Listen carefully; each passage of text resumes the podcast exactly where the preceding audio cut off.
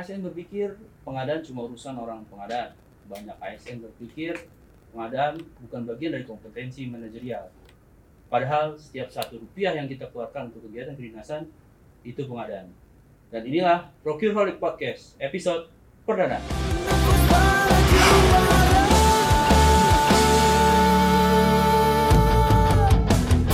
Assalamualaikum warahmatullahi wabarakatuh. Alhamdulillahirrahmanirrahim. Wassalatu wassalamu ala rasulillah. Amma ba'du. ASN milenial di mana pun teman-teman berada, uh, puji syukur kehadirat Allah Subhanahu Wa Taala kita bisa bertemu dalam uh, forum ini. Perkenalkan, saya Sastio Adi Darmawan dan di hadapan saya sudah ada Pak Denny Dana Senjaya, seorang praktisi pengadaan jauh-jauh datang dari Bandung ya Pak. Iya betul. Mana perjalanan. Pak? Alhamdulillah lancar. Alhamdulillah lancar. Mudah-mudahan dalam kondisi sehat Ya, dan mudah-mudahan semua eh, rekan-rekan sekalian yang menyimak eh, program ini juga dalam kondisi sehat. Em, banyak ba- dari audiens kita Pak hari ini adalah orang-orang yang masih awam soal pengadaan dan mungkin bahkan baru pertama mengenal pengadaan itu apa. Nah, eh, saya mengundang Pak Denny ke sini adalah untuk memberikan pemahaman kepada kami semua bagaimana sebenarnya urgensi pengadaan itu di eh, dunia pemerintahan khususnya karena kami semua adalah aparatur sipil negara. Cuman sebelum kita masuk ke pembahasan yang lebih seru nantinya saya mau kita perkenalan dulu ya Pak ya. Iya boleh boleh. Ya silakan. Ini kalau melihat CV-nya Pak Denny, masya Allah ini bikin minder Pak. ini banyak sekali sertifikat Ah. yang memang eh, dari eh, baik dari dalam negeri maupun dari internasional yang memang berkaitan sama eh, dunia pengadaan barang Iya, jasa ya Pak. Betul. Boleh cerita sedikit Pak gimana Oke. awal mula bisa jatuh cinta sama pengadaan Pak? Oke oke. Baik terima kasih uh, Pak Satyo uh, dan tim. Selamat pagi semuanya Bapak dan Ibu yang menyimak ya podcast hari ini. Kalau saya sendiri sebetulnya background saya tuh tadinya bukan dari uh, pengadaan gitu ya. Saya dulu dari operasional.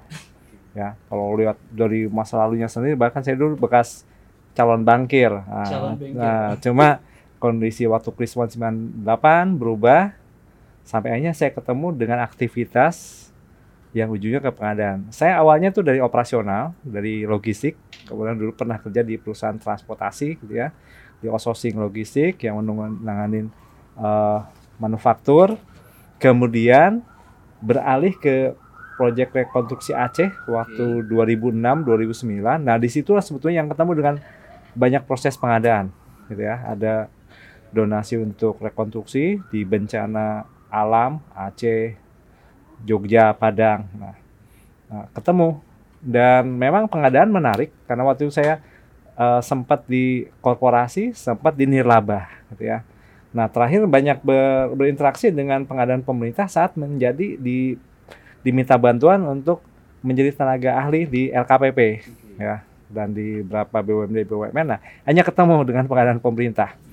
Nah, memang pengadaan ini unik. Kalau saya sendiri sih eh, latar belakang dulu dari IPB terakhir S2 eh, ada berapa sertifikasi yang pernah saya ikuti ya. Beberapa malah sudah hangus. Makanya kalau rekan-rekan punya sertifikasi itu lihat masa berlakunya. Saya beberapa sudah hilang gitu ya. Ini yang masih tersisa gitu ya. Dulu tuh ada beberapa sertifikasi tiga tahun diperpanjang sama kantor, empat tahun diperpanjang. Setelah saya tidak bekerja, lupa diteruskan. Wah, sekarang nggak berlaku lagi gitu. Itu background saya kurang lebih gitu ya. Nah, saat ini eh, lebih banyak di edukasi dan konsultan uh, di multidisiplin. Kebetulan di government kadang sesekali membantu beberapa kementerian lembaga ya sebagai tenaga ahli di beberapa perusahaan juga uh, membantu di beberapa kemarin juga baru ngebantu teman-teman di uh, lembaga kemanusiaan internasional untuk menyusun standar logistik manual untuk di kelasnya worldwide untuk uh, International Federation Red Cross gitu kan. Nah, nah kalau itu kurang lebih background saya, Setio. Kalau saya baca CV-nya juga Ya. pernah membantu LKPP ya Pak. Betul, ada berapa waktu itu untuk nyusun sih untuk SKKNI SKKNI, yang SKKNI 2014 betul. 2014 eh, 2016 ya. Kemudian sekarang sudah berubah. Ah, waktu itu saya ke bagian tugas nyusun modul logistik dan mereview modul-modul yang disusun. Karena waktu itu ada wacana untuk menarik konsep rantai pasok. Ya masuk ke dalam ke dalam sistem pengadaan publik dan ingin menerapkan standar pengadaan publik yang umum berlaku. Oke. Nah, memang pengadaan di pengadaan barang jasa pemerintah unik dari nama saja sudah unik. Saya dulu bertanya-tanya tuh, kenapa masih pengadaan barang dan jasa? Padahal kalau di luar namanya pengadaan publik atau pengadaan Pengadaan pemerintah, Ya. Nah. public procurement. public procurement atau government procurement gitu ya. Tapi kok jadi pengadaan barang dan jasa Dan ini cuma ada di Indonesia. di Indonesia? Karena kalau lihat dari referensi World Bank harusnya pengada- pengadaan barang, jasa dan pekerjaan. Ya. ya, ada tiga itu. Nah, tapi itulah ya hanya sebuah nama gitu ya. Nah, waktu itu nyusun SKK ini dan sebetulnya yang saya susun teh SKK ini logistik, Logistik. uh, penyimpanan, pengiriman, Hmm. ya, dan distribusi, Ya. gitu kan. Nah, karena si pengadaan tuh satu kesatuan dengan rantai pasok, ya. Kalau kita lihat dari prinsip pengadaannya, saya kebetulan juga ada di korporasi, pernah di korporasi, pernah di nirlaba, dan juga membantu pengadaan pemerintah. Prinsipnya tuh sebenarnya hampir sama, ya.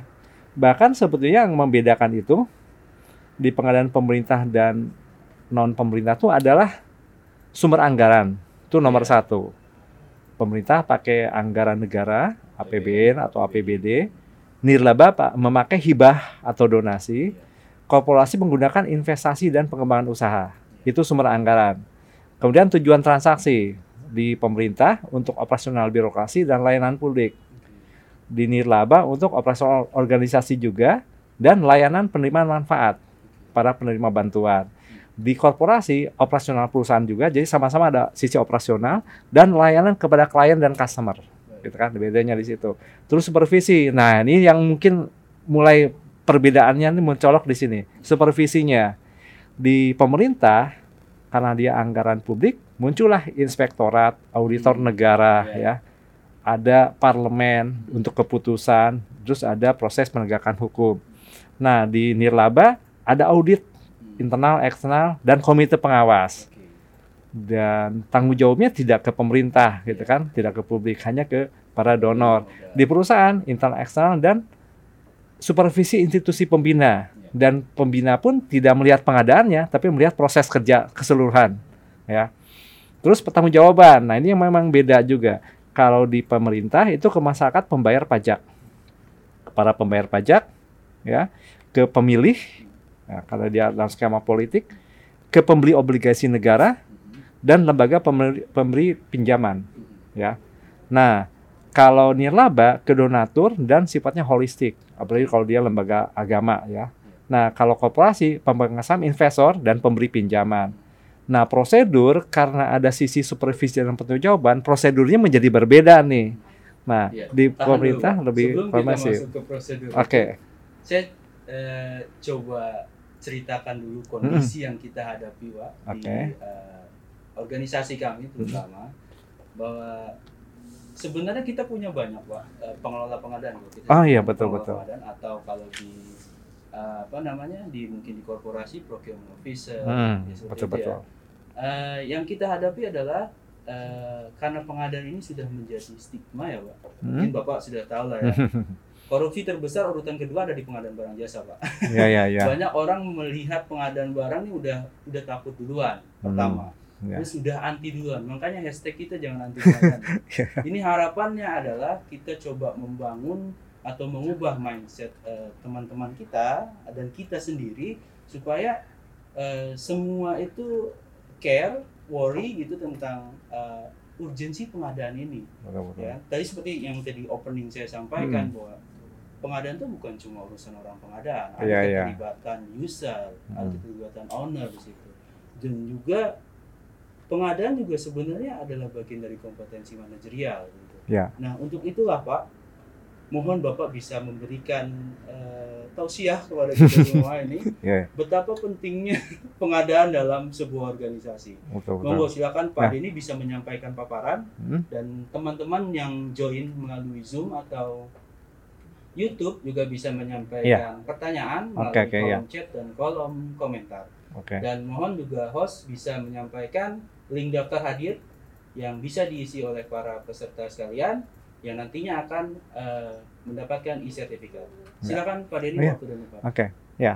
Dari kita lanjut tadi ya, karena pertanggungjawaban, supervisi, memang akhirnya membentuk ke prosedur. Nah, prosedur. Nah, tidak salah sih sebetulnya karena akutabilitasnya lebih besar memang. Kalau kita lihat dari prinsip pengadaannya, memang di pemerintah tuh lebih uh, rigid ya. Lebih rigid.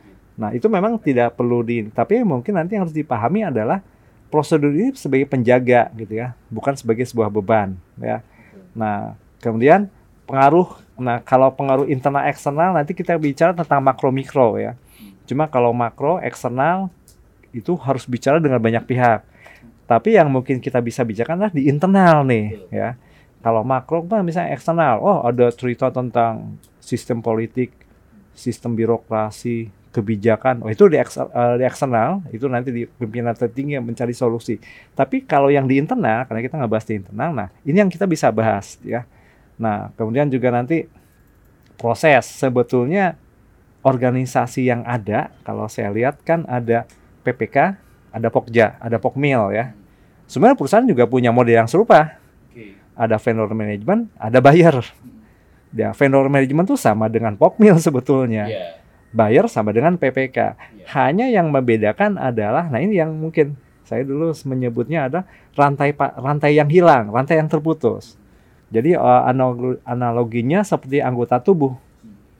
Organisasi itu tubuh, Mhm. pengadaan itu satu anggota tubuh, gitu Iya. kan? Nah, berarti eh, untuk membuat tubuh bergerak semuanya mesti sinkron. Bayangkan kan, kalau Pak Satyo dan teman-teman bayangkan eh, apa jadinya kalau seseorang berjalan kaki dengan tangan tidak sinkron, Iya. mata dan pikiran tidak sinkron, mulut juga tidak sinkron. Ah, Akhirnya Artinya tim pengadaan tidak bisa bergerak sendiri. betul harus dibantu sama yang lain. Apalagi kalau di tangannya sendiri nggak sinkron, bahu dengan pergelangan tangannya nggak kompak, aja Iya. Pokmil dengan PPK-nya tidak sinkron, tambah lagi udah dengan anggota tubuh lain tidak sa- sa- Oh. tidak sinkron, di tangannya juga tidak sinkron. Nah, ini di internal gitu.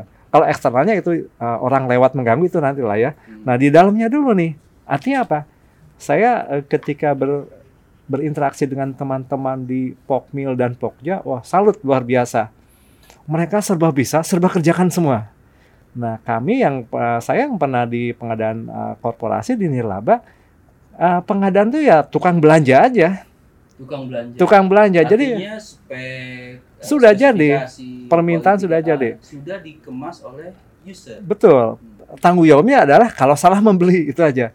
Jadi ibaratnya tuh kalau saya kasih analogi ya, seperti juru masak dengan yang belanja ke pasarnya atau ke supermarketnya. Hmm. Jadi yang belanja ke supermarket tuh sudah dikasih daftar belanja, Hmm. jumlahnya jelas, anggarannya berapa. Nah, tugasnya dia adalah mencari yang jualnya sesuai harapan.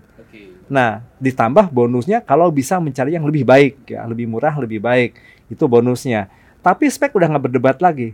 Nah, di sini eh, analogi yang saya lihat di teman-teman PPK di Pokmil disuruh belanja, ya Anda aja nyusun belanjanya, tapi harus da- daging yang bagus, wah. Begitu dibawa ke dapur, bertengkar dengan juru masak loh. Bukan ini yang saya minta. Iya. Loh, Anda kan nulis gitu. Iya. Anda nggak nulis itu ya. Nah, Iya. ini yang harusnya eh, ke depannya mungkin coba dicari ya titik temunya. Karena nanti dari perencanaan dari RUP-nya misalnya apakah harus PPK yang ngurusin semua? Dikualifikasi ada hal-hal teknis. Eh, pengadaan konstruksi oke ada ada aturan yang jelas dari Kemen PUPR tapi pengadaan IT bagaimana? Pengadaan pengadaan investasi bagaimana? Ketika beli genset beli sistem ya beli alat-alat yang rada-rada canggih dengan berbagai spesifikasi nah saat merencanakannya oh nggak tahu pengadaannya nggak tahu usernya nggak tahu oh bisa masuk pihak ketiga. Tapi di beberapa kasus usernya juga tahu sebetulnya. Misalnya apa? Saya pernah temukan itu di suatu institusi membeli laptop di kas eh, ternyata dapatnya software bajakan. Oke. karena lisensinya di, dimatikan update-nya dan ket- eh, terbuka tanpa sengaja ketika si penggunanya mau mengupdate aplikasi dan dia mempesankan harus nyala gitu kan. Nah, baru ketahuan tuh. Yang jadi pertanyaan waktu serah terima laptop kok bisa lolos gitu kan. Iya. Padahal di kantor itu ada orang IT-nya. Nah, kenapa orang IT nggak ngebantu? Iya. Nah, hal-hal seperti itu. Belum lagi di transaksi nanti ketika ada tagihan penyedia, ada fak, ada faktur pajaknya. Ternyata pajaknya double. Udah PPN di Nah, itu PPN ulang. terjadi. Nah, di sini ada satu hal yang mungkin terputus komunikasinya dengan bagian bendahara dan dengan eh, regulas, regulator terkait ya. Sehingga nanti jadi temuan auditor loh kok negara bayar lebih mahal? Iya. di luaran ini 2000-an air mineral kok kita bayar 2500 karena ada PPN lagi? Nah, ternyata begitu diurus oh bisa si penyedia restitusi. Tapi kan restitusi di aturan pajak tidak semudah itu. Anda harus saya audit. Ah, kalau eh, KL-nya sih mungkin KLD-nya nggak masalah di audit jelas kok transaksinya tapi si penyedianya nih mungkin dia ada sesuatu yang dia tidak mau terbuka. Kalau di audit kena yang lain. Akhirnya udahlah bayar. Nah hal-hal seperti itu yang mungkin ya perlu di dicari titik temunya gitu kan? Artinya yang tadi coba Bapak analogikan kalau pengadaan ini adalah tangan ya dari seluruh anggota betul bu tubuh betul. dan tidak bisa bekerja sendiri, ya maka sebenarnya pernyataan saya di awal tadi bahwa betul pengadaan bukan cuma urusan orang pengadaan ya ya. betul. Harus ada eh, banyak pihak yang juga terlibat dalam terlibat membantu proses ya membantu betul. Sebagai tim ya. Ya sebagai tim. Terlebih pada saat proses perencanaan ya Pak. Betul betul. Karena krusial Pak. Sangat krusial di situ tadi yang Bapak sampaikan apa kalau Bapak pernah cerita kalau salah yang cerita tentang koki ya mau beli apa nanti mau beli daging kokinya bilang ke juru masak apa ke yang belanja pokoknya cari daging yang bagus ya terserah kamu Iya. spek apa begitu bawa pulang dagingnya kok- kokinya komplain kok beli yang begini Nah itu artinya user pun harus pandai mengartikulasikan kebutuhannya iya. seperti itu ya Pak ya. Jadi masing-masing berbagi tugas. Ya koki nanti tugasnya memasak, maka dia butuh bahan yang bagus. Yang belanja tugasnya mencari yang terbaik dari yang diminta. Iya, Gitu. iya. Nah itu. Cari pasarnya, cari Betul. pelaku usahanya itu tugas kami Betul, iya. pelaku pengadaan. Mungkin kalau ada yang materi yang saya share tuh ada slide nomor 16. Nah, oh, itu pengadaan itu di slide yang nomor 16 bisa digeser terus ke bawah ya.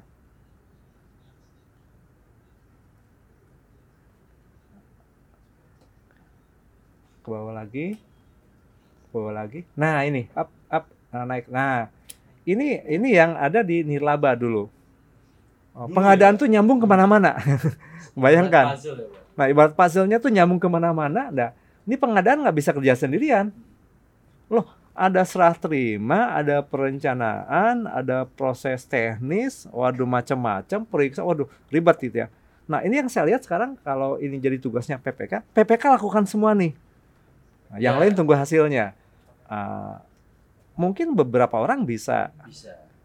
Dengan pengalaman. dengan pengalamannya kebetulan dia pernah di berbagai tugas dan jabatan tapi beberapa jadi nggak bisa gitu kan karena ada keterbatasan apalagi kalau uh, loadnya tinggi nah ini memang harus saling bantu oh PPHP bagaimana iya memang harus dibantu sama yang ahli karena di pengadaan pemerintah hampir sama dengan di pengadaan jasanya perusahaan kalau dibuat semacam penerima mutu pejabat mutu memang akan meriksa barang macam-macam Hmm. Beda dengan si pabrik misalnya, pabrik cuma bikin air mineral, bikin mobil, sama terus ya. Jadi dia meriksa ribuan barang pun setipe semua. Kalau ini kan enggak, kadang terima kertas, kadang terima cetakan, kadang terima handphone, kadang terima AC, kadang terima mesin. Sehingga harus dibantu. Oh, kalau ngelibatin pihak ketiga bisa bayar konsultan dari perusahaan-perusahaan, surveyor segala macam itu kan biaya lagi. Tapi kalau internal, oh saling bantu. Misalnya ketika terima barang IT ada ya. Bahkan mungkin model ad hoc bisa dibangun ketika bekerja sama karena eh, tujuannya kan eh, efektivitas ya kalau kita lihat di prinsip pengadaan efektif efisien bahkan value for money itu apa Eh, jangan diartikan mencari yang murah Eh, kalau saya dulu pernah belajarnya tuh dari senior saya bilang jangan beli yang nggak perlu Iya. jangan, Jangan beli yang nggak perlu. Ya, jangan lapar mata, jangan beli yang nggak perlu. Jadi hemat itu adalah di total penganggarannya. Ja, bahkan mungkin eh, bahkan nanti ada ada harus dibuat lagi pendekatan lain bahwa serapan anggaran berubah misalnya menjadi efektivitas anggaran ya. Tapi itu kan lebih visioner lagi. Jadi justru tantangannya tuh ada kalau di teman-teman di korporasi ditantang cost saving ya. Bahkan sekarang downgrade cost gitu ya, cost cutting karena anggaran berubah ekstrim. Nah, itu harus ke sana. Jadi eh, bukan sekedar murah, tapi jangan beli yang nggak perlu. Gitu. Ujungnya menghemat juga kan, karena tujuan kita hemat anggaran ya. Yang beli tetap uh, barang itu harus dibeli harganya segitu, tapi hingga jangan beli yang nggak perlu jumlahnya, kualitasnya, speknya. Nah itu di kebutuhan ya. Udah banyak sih sebetulnya. Belum lagi nanti metode-metode pembeliannya. Tapi kalau lihat dari isu awal, akuntabilitas memang mutlak di PBJ pemerintah. Nah, bagaimana itu membuat sinkron? Nah, jangan sampai nanti uh, ketaatan tata kelola itu membuat kita kaku. Ya. Jadi kalau good uh, niat baiknya kita sudah ada, prosedur itu tidak jadi beban, justru jadi pemandu gitu kan. Uh, jadi pemandu uh, bukan menjadi beban harusnya gitu kan. Dan bukan jadi apa Pak? Teori, Pak. Bukan jadi teori ya. Dan kemudian bisa jadi, nah ini yang uh, teman-teman yang di Pokmil di PPK-nya itu harus bersatu tuh pertama ya. Karena kalau Pokmil dengan PPK itu bahu dengan pergelangan tangan soalnya ya dalam anggota tubuh. Kalau dengan perencana dengan pengguna itu dengan organ tubuh yang lain. Tapi Pokmil dan PPK-nya itu satu kesatuan tangan. Masa pergelangan dengan bahu nggak sinkron, nggak bisa ngambil sesuatu jadinya gitu kan. Nah itu nanti bicara dan kemudian ada sektoral base-nya dan di regulasi kita memang ini masih berbentuk tapi kalau dari Perpres 16 sebetulnya sudah memberi ruang untuk masing-masing sektoral mengadopsi sendiri proses kerjanya. Oke. Uh, bahkan kalau lihat di negara lain di tetangga kita ya. Jadi kalau kita benchmark lihatlah tetangga yang lebih baik ya. Uh, seperti kalau kalau kamu sukses kan bukan lihat tetangga yang lebih tidak beruntung, tapi cara yang lebih beruntung. Nah, lihat negara-negara maju di sekitar kita, tetangga-tetangga kita. Di sana ketika bicara pengadaan pemerintah, mereka sudah tidak terbebani dengan teknis-teknis prosedur, diserahkan ke masing-masing. Nah, ada board of uh, government procurement-nya mengatur prinsip besarnya aja, prinsip saja. Nah, prinsipnya saja. Tapi teknisnya silakan ke masing-masing. Tapi masing -masing nanti regulatorinya tuh, ya betul, regulatorinya hanya mantau jangan sampai yang Anda buat menyimpang dari konsep dasarnya. Misalnya kemarin saya lihat tuh ada di beberapa Pemda ya membuat uh, apa SOP pengadaan, muncullah beberapa klausula yang melanggar ketentuan Perpres. regulasi. Perpres bahkan undang-undang. Misalnya apa? Saya lihat tentang pembatalan sepihak. Hmm. Nah, itu harus baca dulu KUH Perdata dan KUH pidananya sebelum misalnya bahwa penyedia bisa diputus mendadak. penyedia nggak boleh komplain, nggak boleh minta uh, minta ganti rugi. Nah itu yang melanggar. Nah itu melanggar undang-undang bahkan ya. Nah itu, nah di situ nanti regulator men mendudukan lagi masalahnya. Anda nggak bisa bikin aturan seperti itu karena ada KUH perdatanya yang mengatur pasal sekian sekian tentang uh, berkontak itu mesti equal ya. Prinsipnya kesetaraan jadi jangan sampai pembelinya punya hak banyak, penjualnya nggak punya hak banyak. Nah. Ini juga yang mungkin uh, menjadi apa namanya uh, yang dianggap uh, ribet sama uh, user atau owner kita, Pak. Ya. Oh, pengadaan tuh rumit ya, prosesnya panjang, birokrasinya panjang, harus begini, begini, begini. Apa juga emang dipengaruhi oleh regulasi kita yang tadi seperti Bapak Betul. kan? Uh, kalau itu sebetulnya kalau teman-teman ngelihat jangankan di pengadaan, hmm. mungkin di proses kerjaan lain juga sama, sama. karena dia di birokrasi memang terkait dengan akuntabilitas publik ya. Kan seolah-olah ini ini negara ada para konstituen yeah. dan ada pembayar pajak. Yeah. Uh, jadi seolah-olah bertanggung jawabnya ke publik ya. Beda di perusahaan bertanggung jawab ke pemilik modal. Yeah. Makanya Apakah di perusahaan nggak pernah ada korupsi? Ada kok korupsi, cuma tidak terekspos keluar karena yang dirugikan itu pemilik dan yang dirugikan bukan negara, tapi pemilik perusahaan, investor. Nah, sehingga nggak terekspos dan mungkin nilainya tidak besar karena kalau besar ya perusahaannya bangkrut gitu kan. Tidak terekspos saja, mereka tutupi karena reputasi. Ada sih pasti. Tapi kalau di pemerintah ini anggaran publik, pertanggung jawabnya jadi besar ya kita nggak ngebahas eksternal isu karena nanti jadi ke mana-mana tapi kita internalnya aja. Nah di sini sebetulnya kalau lihat proses uh, birokrasi rumitnya mungkin jangan karena pengadaan bagian lain juga sama. Tapi pertanyaan kenapa teman-teman ketika ngurusin pekerjaan yang lain enjoy enjoy aja? Toh sama juga banyak prosedur gitu. Banyak uh, kalau saya lihat tuh SOP birokrasi itu memang panjang lebar bukan di pengadaan aja kok. Di tupoksi lain juga sama. Tapi kenapa di bagian lain rileks ya. menghadapinya. Mungkin memang kuncinya adalah di perencanaan, Pak. Ya. Kalau bisa kan kebanyakan ya, Pak, kebanyakan user kami itu terkendala masalah waktu. Ya. Kalau misalkan kita eh, contoh saja kita mau pengadaan laptop, Hmm. kita butuh waktu kalau tender biasa sekitar satu bulan. Betul. Kalau tender cepat mungkin hanya satu minggu. gitu. Hmm. Tapi kan proses sebelum tender juga ada dan itu butuh Ya. waktu.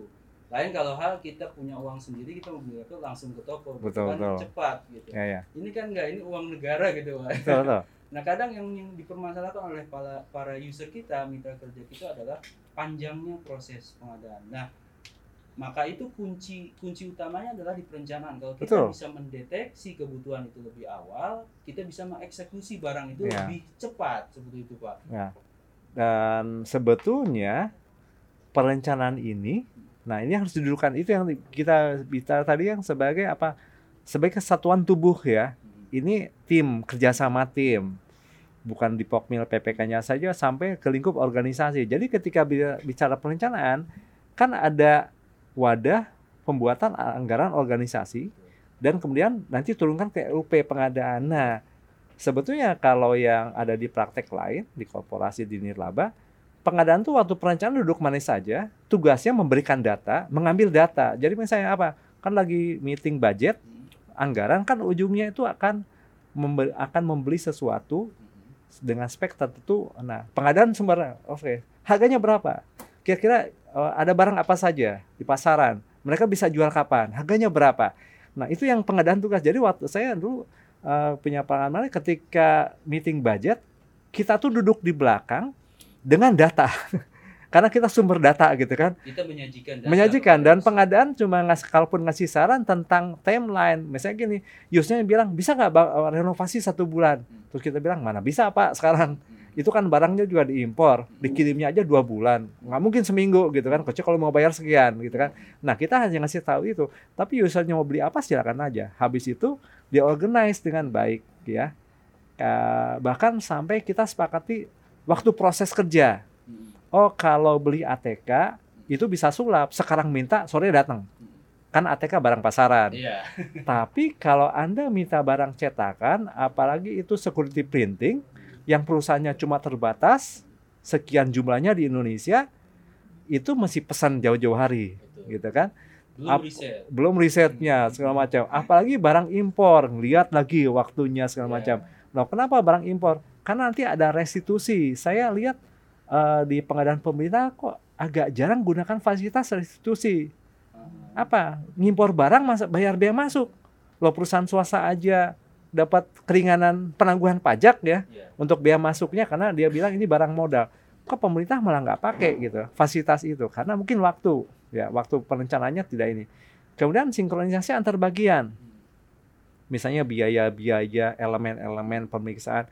Nah, itu memang harus duduk bareng. Iya. Nah, sarannya memang nah sebetulnya PPS 16 itu membuka ruang sih untuk membuat adaptasi-adaptasi proses kerja gitu kan. Nah, tidak kaku.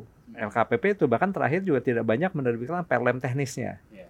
Mungkin ke depan dia akan lebih banyak monitoring. Nah, silakan aja kementerian, apalagi kan Kemenkumham mungkin tidak termasuk yang OTDA ya. Iya. Jadi eh, dinas di daerah tuh masih di bawah supervisi Kementerian Pusat langsung, ya. betul. Beda dengan yang lain. Jadi Kementerian Pusat dengan daerah tuh jadi partner. ya. Karena di sana juga punya atasan kepala daerah, tapi Kemenkumham kan masih. Nah, berarti apa? Daerah tuh ibaratnya jadi cabang gitu kan, jadi kantor regional, jadi cabang sehingga mudah dikoordinasi, Hmm. bisa terpusat. Nah, konsep UKPBJ yang dibangun sebetulnya mau ke sana. Nah, cuma nanti mungkin ini kalau saya bilang tuh apa? Rantai pasok yang hilang. Nih. ya, gimana nanti duduk bareng sama orang logistik, kalau nyimpen barangnya bagaimana, nanti kalau barangnya terima eh, bagaimana meriksanya, waktu rencana aja bagaimana, terus pengadaan ngasih tahu, ini kalau beli barang ini sebulan, dua bulan, Eh, dan hal-hal yang dibantu. Oh butuh ahli K3, jangan-jangan di kantor kita sudah ada ahli K3, Hmm. tapi dia di bagian eh, umum dan eh, perlengkapan. Oh tolong dong bantu ke sini gitu kan nah kalau masalah nanti itu jangan uh, uh, kinerja dan segala macam itu tinggal dibicarakan di di struktural ininya ya. Nah, tinggal saling bantu. Sehingga pengadaan tidak dibebani menjadi Superman gitu. Ada beberapa orang bilang Superman jadi kantong jadi kayak Doraemon gitu. Tapi nggak dikasih kantong ajaib. Tapi kantong ajaibnya nggak dikasih gitu Ya, memang di rezim Perpres 16 2018 ini kan memang PPK dapat jadi primadona pak. Ya. PPK jadi primadona. Dan Hmm. apa kalau eh, istilah bapak PPK itu kopral rasa jenderal ya pak? ya, kalau kopral jadi ada kopral dika- dikasih tugas sama jenderal gitu, tapi jabatannya tetap kopral, tapi tanggung jawabnya sekelas jenderal. iya. Nah, itu Mulai jadi beban. Iya. Sampai dengan nanti pembayaran. Ya, bahkan mohon maaf di decision making prosesnya juga saya dulu pernah bertanya-tanya kenapa tanda tangan kok di tangannya PPK bisa gitu ya. Padahal di BUMN sekalipun kalau kita lihat mengapa kalau ada kasus eh, korupsi di BUMN di perusahaan negara bahkan di swasta itu yang kena itu decision makernya kok bukan pengadaan bukan staf teknisnya. Karena mereka mengikuti hierarki jabatan dan hierarki tanggung jawab. Jadi kalau anda kepala bagian maka tanda tangan kepala bagian maksimal berapa 200 juta 50 juta tanggung jawabnya sebesar itu Oke. tapi waktu proses pengadaan memang yang bikin dokumen pengadaannya si staf Hmm. tapi yang mutusin atasannya Yang yang tanda menetapkan. ta- termasuk tanda tangan Mm-mm.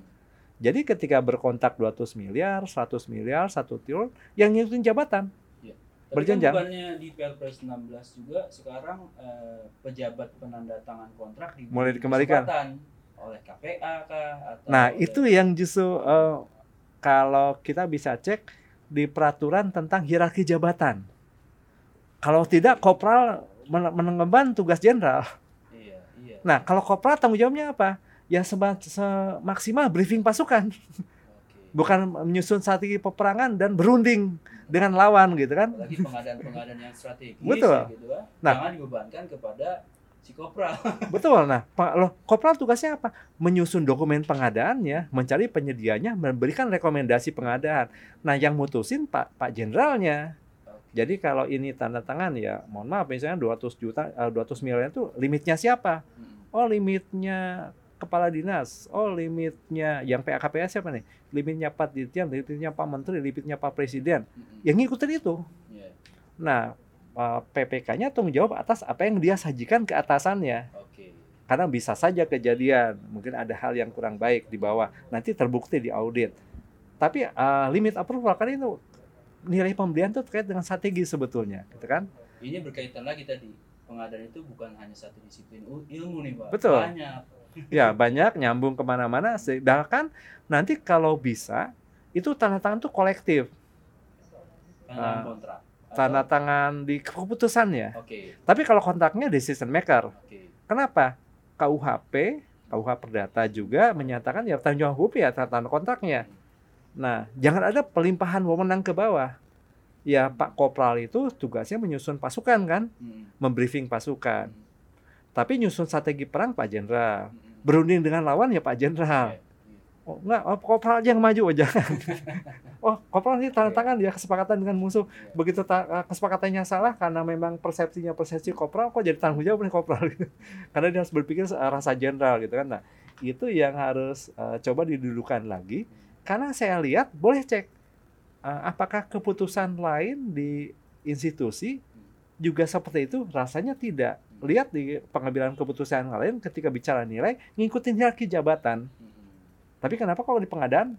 Nah ini yang harus Iya. Sebenarnya- dicoba sebenarnya diluruskan. dari Perpres sudah memberi ruang, cuman Hmm. di kita di tataran kementerian atau lembaga yang tadi Bapak sampaikan LKP sebenarnya memberikan ke keleluasaan Betul, untuk mengadopsi lagi. Ah, ah. karena bagaimanapun pembelian yang angka ratus miliar triliun itu pasti strategis. Dan itu butuh pengambil keputusan yang besar. Nah pengadaan ngapain? Nyiapin dokumennya udah capek. Betul, iya, Wah, apalagi yang compliant di pengadaan pemerintah lebih uh, rigid ya. Memang harus benar-benar akuntabel itu nggak bisa dikurangi ya. Nah, apakah prosedur itu mana tidak. Cuma mungkin nanti harus dilihat proporsional. Gini uh, boleh ngasih syarat berat-berat? Di perusahaan juga sama penyedia tuh dikasih syarat kok berat. Tapi kenapa penyedianya enjoy? Karena worth it. worth it. Apa yang dia korbankan setara dengan apa yang akan dia dapat. Setara dengan nilai Misalnya kontrak, gini. Uh, harus akuntan publik laporan keuangan. Boleh sih. Akuntan publik yang di OJK aja. Itu kan kelasnya gue publik boleh juga. Cuma penyedia dapat kontak berapa? Kalau penyedia dapat kontak ratusan miliar tersenyum dia gitu kan dikasih syarat macam-macam. Tapi kalau kalau kontraknya nilainya kecil bahkan biaya untuk ngurus semua dokumen itu berat uh, bahkan mungkin satu cara tuh nanti uh, sistem pembayaran juga kadang bisa cepat bisa lambat itu yang membuat berat penyedia kalau saya pernah ngobrol dengan beberapa penyedia mereka sebetulnya tidak bilang itu mengada-ngada hanya mereka worth it apa enggak gitu ya jangan sampai misalnya minta konsultan oh minta saya minta S3 ya pendidikan luar negeri, saya periksa ABCD. Uh, honornya berapa? Pengawas proyek 5 juta sebulan pak. Wah S2 5 juta sebulan. Nah kan ngawasin sehari cuma satu jam. Iya, tapi kan untuk ke lokasi dia butuh tiga jam perjalanan. Sehingga otomatis satu harian di sana gitu kan. Satu harian dong, walaupun di lapangannya satu jam. Bayangkan S2 sipil, pendidikan sertifikasinya luar biasa, cuma dikasih 5 juta sebulan. Coba kalau dia berapa lah gitu ya, yang sesuai dengan kelasnya dia, nah nggak akan komplain si si tenaga ahlinya gitu kan, nggak akan komplain si penyedianya. Itu sebetulnya sih. Jadi syarat itu sudah tepat sih, hanya mungkin sebanding tidak dengan nilai kontak yang diperoleh. Baik lagi ke masalah tadi perencanaan Pak. Ya. Salah satu kebijakan pengadaan di Kepres 16 hmm? 2018 kan meningkatkan kualitas perencanaan pengadaan. Betul. Nah, kalau perencanaan ini kan sebenarnya eh, kompetensi dasar dalam sebuah manajemen gitu pak. Betul betul.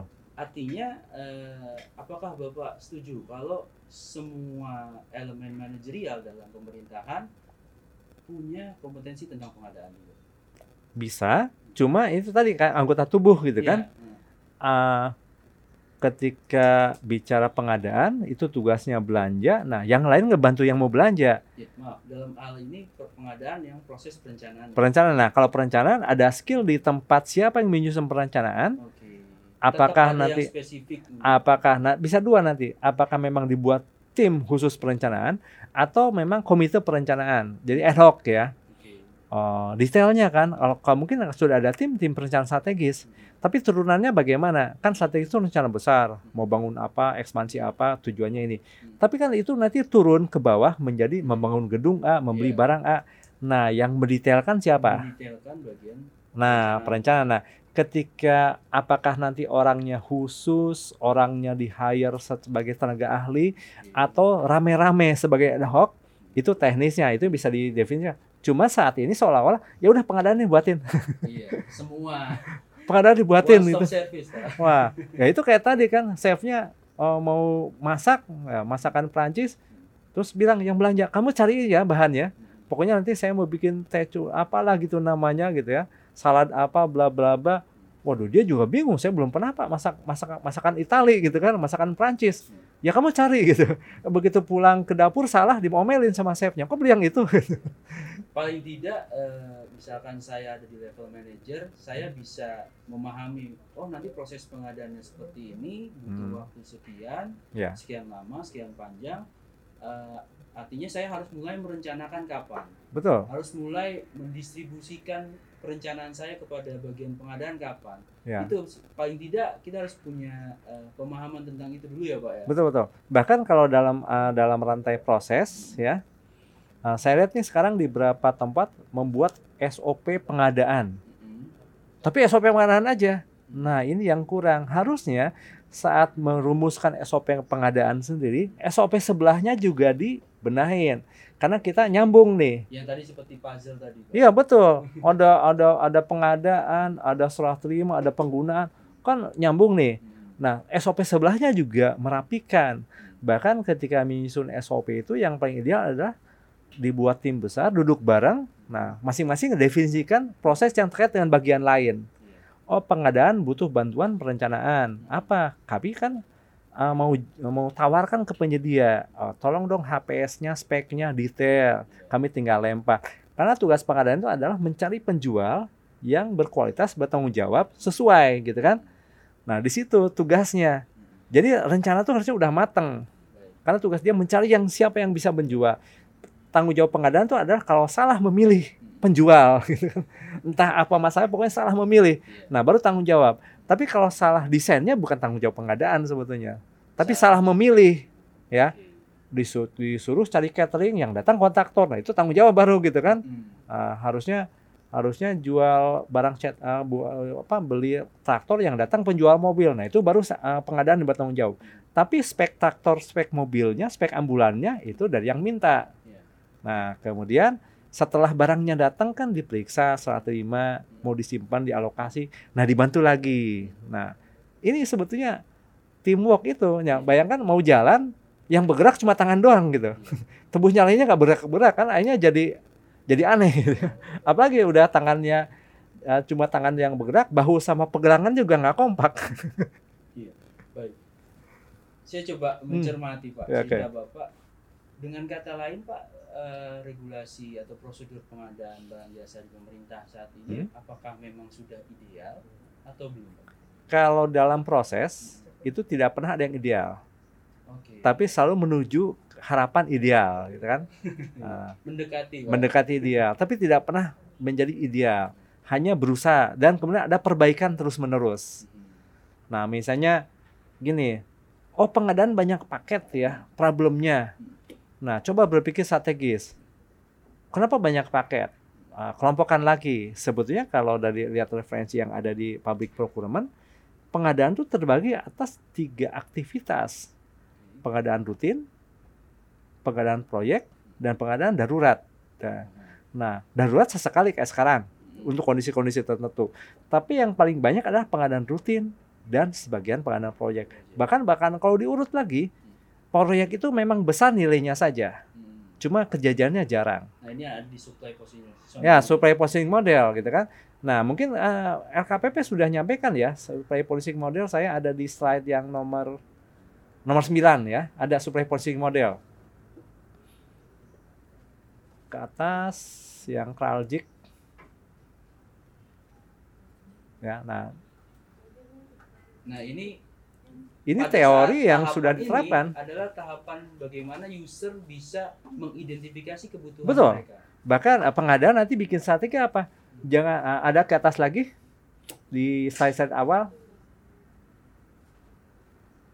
Terus, nah ke atas, ke atas, ke atas.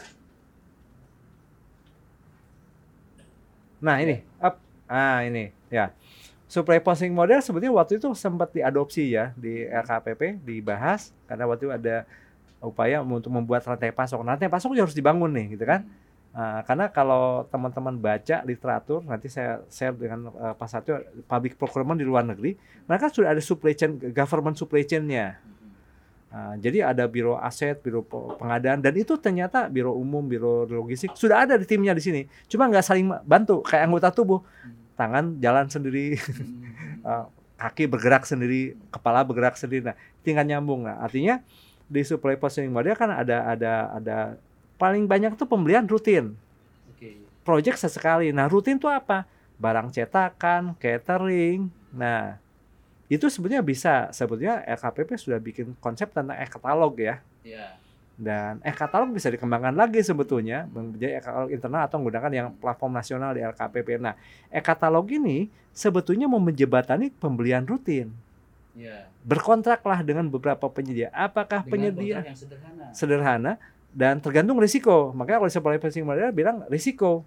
Kalau beli yang mudah jangan dibuat sulit ya. Ya. Tapi kalau beli yang sulit ya dibuat sulit. Misalnya gini, kalau membeli masker itu barang yang bottleneck masker itu Ya darurat. darurat dan itu risiko tinggi kalau salah beli masker, alarm, CCTV, baut ya itu bottleneck. Maka standarnya ketat. Tapi kalau rutin itu gampang diganti penjadiannya banyak ya. Levelnya Itu itu gampang beralih ke penyedia lain. Ya, gampang beralih sehingga kemudian bikinlah kontrak Hmm. mau item segala macam dan apa? Apakah penyedia boleh selamanya?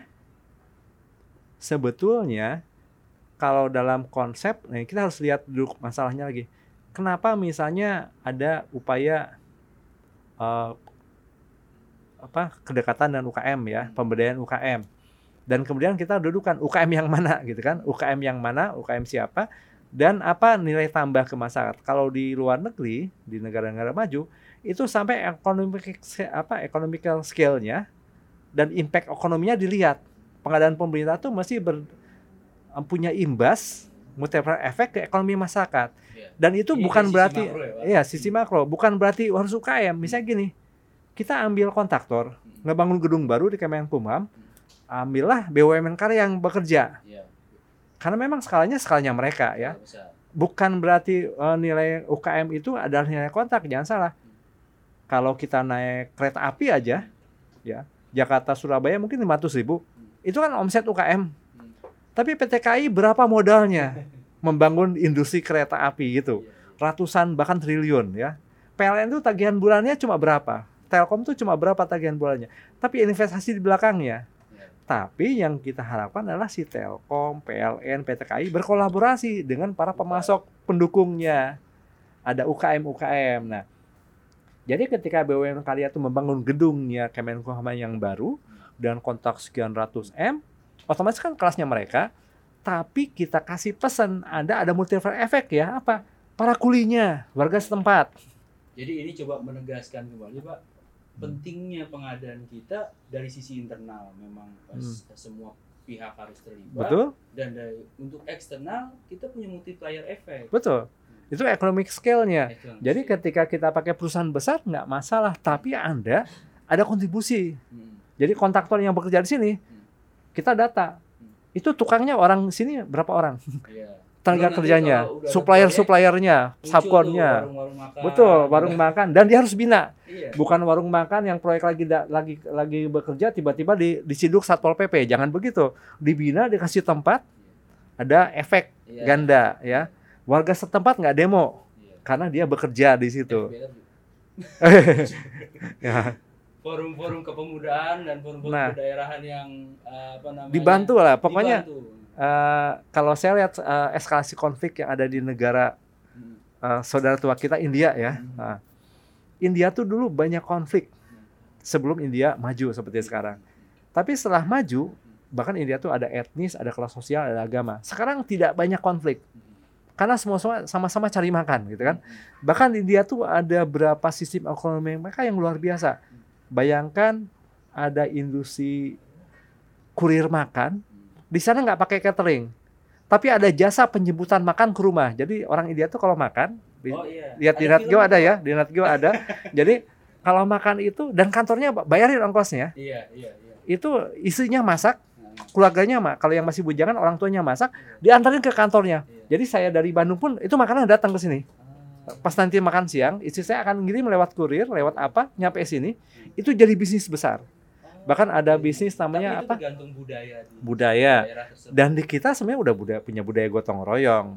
Jadi kalau ngomong CSR itu sudah skema yang ada di masyarakat. Iya, itu cuma bahasa keren. Ah, bahasa kerennya. Sekarang kita udah punya budayanya. Artinya eh, model-model itu yang harus kita tanya ke si penyedia yang kita pilih. Oke.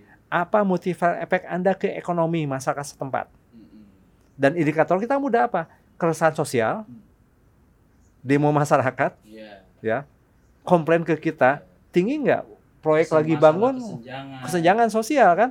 Kalau mereka cuma nonton, iya dikasih debu, dikasih banjir, dikasih rusak alamnya, kasih jalan pada lubang-lubang. tapi menderita. Iya. Tapi kalau dia juga ikut uh, ya Dilibatkan. dilibatkan, dapat income, bahagia mereka gitu kan. Ya, Nah. ini perlu di eh, kita catat nih bareng-bareng Hmm. pengadaan itu urgensinya seperti itu ya Pak. Bahkan kalau di prinsipnya World Bank ada masuk itu prinsip itu. Jadi ada namanya tuh uh, apa economic scale-nya. Jadi harus ada dampak. kalau kita mungkin istilahnya pengadaan berkelanjutan Pak. Cocok nggak? Enggak, kalau pengadaan berkelanjutan itu nanti lebih ke hubungan. Tapi apa ya? Ini multiplier effect ke ekonomi. Mhm. Bahkan di sana tuh di audit, audit negaranya di Inggris tuh ngelihat itu. Ada nggak dampak ke ekonomi masyarakat? Uh, jadi mungkin sekarang bahkan di negara maju lari ke padat karya kayak di Amerika di Inggris. Uh, karena apa? Supaya banyak orang nggak nganggur dan pemerintah bayar lebih tinggi karena kata penyedia loh kalau kami nggak otomasi mahal nih pak. Oh nggak apa-apa. Karena ini pengangguran tinggi. Makanya kenapa ada demo-demo di Amerika? Padahal Amerika tuh lebih maju dari kita. Kenapa demo? Nganggur soalnya. Iya. Ketika perut perut lapar, nah Iya. pikirannya ekstrim gitu kan. Nah, padahal orang Amerika orang produktif. Kok bisa demo yang lebih ekstrim dari demo di kita ya, yang paling kalah tuh uh, apa uh, demo brutal kita dengan yang di Amerika sekarang karena mereka nganggur. Sehingga di sana uh, di beberapa negara maju sekarang mengarah ke model padat karya. Padat karya. Jadi yang otomasi-otomasi dikurangi dulu. Sebagian dimanualkan. lajunya di, dihambat. Dimanualkan supaya apa? Lebih banyak libatin orang. Nah, di sini pun sama sebetulnya bisa gitu. Jadi penyedia besar nggak apa-apa kepilih, tapi kasih mandat dan boleh nggak dia asesmen boleh. Si penyedia bikin uh, proposal yang menyatakan bahwa kalau saya bapak pilih nggak bangun gedung di sini, maka Harus masyarakat sekian uh, sekitar akan dapat efek multipliernya, efek berantai dari kegiatan ekonominya. Nih duit Balik lagi 100 Pak. miliar tuh jadilah gitu buat Balik masyarakat. lagi ke tadi ke supply position Hmm. model, Pak. Iya. Artinya eh, mengidentifikasi karakteristik barang jasa yang eh, dibutuhkan oleh user atau owner ini sangat penting Betul. supaya nanti strategi kita dalam eh, memenuhi kebutuhan mereka juga tepat Betul. seperti itu ya, Pak. Nah, ini bisa diadopsi bahkan kalau di beberapa perusahaan, di beberapa neba- nirlaba ini masuk ke SOP-nya. SOP-nya. Ya, cuma itu tadi ya. Nanti kalau kita ngebahas SOP pengadaan, jangan cuma SOP pengadaan yang dibahas, tapi SOP yang lain. Yang lain. Kayak perencanaan, akan link ke sana, ke keuangan. Hmm. Karena mungkin ada beberapa rantai putus itu akibat di sini dibahas, di sana tidak dibahas. Hmm. Bisa ada bendahara tentang pajak. Hmm. Ya memang bagian keuangan yang harus merapikan prosedur tentang mekanisme pajak Iya. ya. Ah, terus ke perencanaan, Ya, mereka juga harus merapikan prosedurnya. Ketika pengadaan sudah di titik A, dia masih belum ke titik A ya nggak bisa. Harus duduk bareng-bareng gitu kan. Duduk bareng-bareng ngebahas itu sehingga saling bantu. Bahkan nanti bisa jadi di model-model proyek yang besar itu bikin komite atau panitia ad hoc lah gitu kan saling membantu saya ingat dulu di proyek konstruksi saya tuh jadi panitia tender aja tugasnya karena memang kita nggak ngerti konstruksi gitu kan tapi tugas kita mengundang kontraktor menilai kontraktor gitu kan tapi apa nilainya apa? Dari mereka yang ngasih nilai. Cuma kita sampaikan ke penyedia kan ke kontraktornya. Kayak begini loh pak kayak begini ya kata pengawas proyek meeting ikut. Bukan berarti saya akhirnya jadi nyusun RAB hmm. jadi insinyur enggak gitu kan. Walaupun akhirnya jadi tahu juga. Cuma nah di situ perlunya teamwork. Ah, di sini kan pasti ada bagian eh, pengelola fasilitas pengelola aset eh, apalagi pengelola logistik Hmm. pengelola IT Iya. nah ketika ada pekerjaan-pekerjaan itu mereka masuk dalam tim ad hoc itu. dalam ti- harus ngebantu Hmm. ya karena mungkin perencanaan pun bahkan mungkin teknis harusnya eh, bisa jadi jadi ad hoc karena kalaupun di hire khusus dia pun akan kelabakan dengan job desk yang begitu banyak cari penyedia media lah cari penyedia apa, apa nggak akan ke ketutup juga gitu ya nah dia akan dibantu jadi ada model-model model-model komite atau ad hoc itu akan terjadi. Nah pengadaan pengadaan menjembatani. Itu sih fungsi idealnya Iya. gitu kan. Jadi sebenarnya eh, anggapan eh, teman-teman kita yang user atau owner ini tentang pengadaan itu rumit sebenarnya enggak juga Iya. ya Pak. Karena sebetulnya kalau di sistem birokrasi semua prosedur rumit sebetulnya. Kalau mau Sebenarnya- rumit. lihat aja tupoksinya masing-masing gitu. Iya. Ah, cuma kenapa di sana enjoy? Nah, kok di sini jadi nggak kelihatan? Karena enggak, enggak, enggak berkaitan langsung dengan APBN kali Pak. Ah, itu kan ah, persepsi risiko. Nah, Iya. itu nanti dimitigasi. Hmm. Ternyata ada asumsi tentang kekhawatiran ya. Hmm. Oh, di sana juga sama ada kekhawatiran kok gitu ya. Tapi kenapa kok di sini? Nah, kalau itu nanti diperbaiki, dipagerin lah ya. Oh, kalau kalau bicara fraud agak-agak besar ya. Karena fraud itu nanti internal eksternal. Tapi kalau niat kita baik, ya, niat kita mau amanah, ah, insya Allah sih aman lah ya. Nah, yang perlu kita jaga tuh pagernya aja, ya. Karena kalau bicara itu nanti agak luas tuh bisa ke mana. Tapi kita jaga pagernya aja. Nah, jadi kekhawatiran nggak ada. Karena kalau bicara kom- ah, prosedur rumit, sepertinya bagian lain juga sama-sama rumit kok prosedurnya. Saya lihat tuh SOP bagian eh, saya pernah tuh ke layanan yang OSS, Ya. saya karena kebetulan teman tuh kepalanya saya lihat di itu ternyata dia pantasan kalau ngelayani eh, apa eh, orang yang ngurus perizinan tuh kaku ternyata ada teks yang harus dia baca gitu. A B C A B C dan itu yang mudah-mudah kelihatan jadi nggak luas gitu ya Hmm. Karena memang prosedurnya itu kenapa kok tata kelola. Tapi kenapa mereka nggak merasa terbebani? Nah, sama kok prosedurnya. Karena memang di birokrasi beda dengan di profit ya. Pertanggungjawabannya bukan cuma ke ya, pemiliknya bukan pengusahanya tapi masyarakat. Sistem yang lebih besar pengawasannya juga lewat sistem politik otomatis. Tapi kenapa pengadaan jadi nggak enjoy? Itu yang jadi tanda tanyanya. Iya.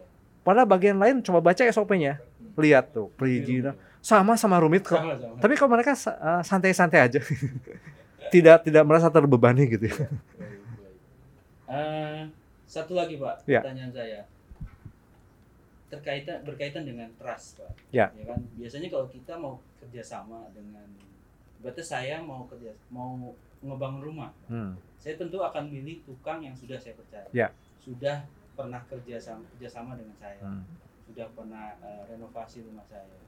Kalau di pengadilan barang jasa kan sebenarnya eh, apa namanya elemen trust ini agak sulit di apa ya kuantifikasikan ya, atau sulit diungkapkan karena semua harus melalui proses tender. Ya. Kadang yang kita percaya bisa melakukan eh, memenuhi kebutuhan kita tidak tidak lulus tender, padahal dia punya kemampuan. Ya. Menurut pandangan bapak itu. Nah itu mungkin kembali ke konsep sektoral based procurement-nya.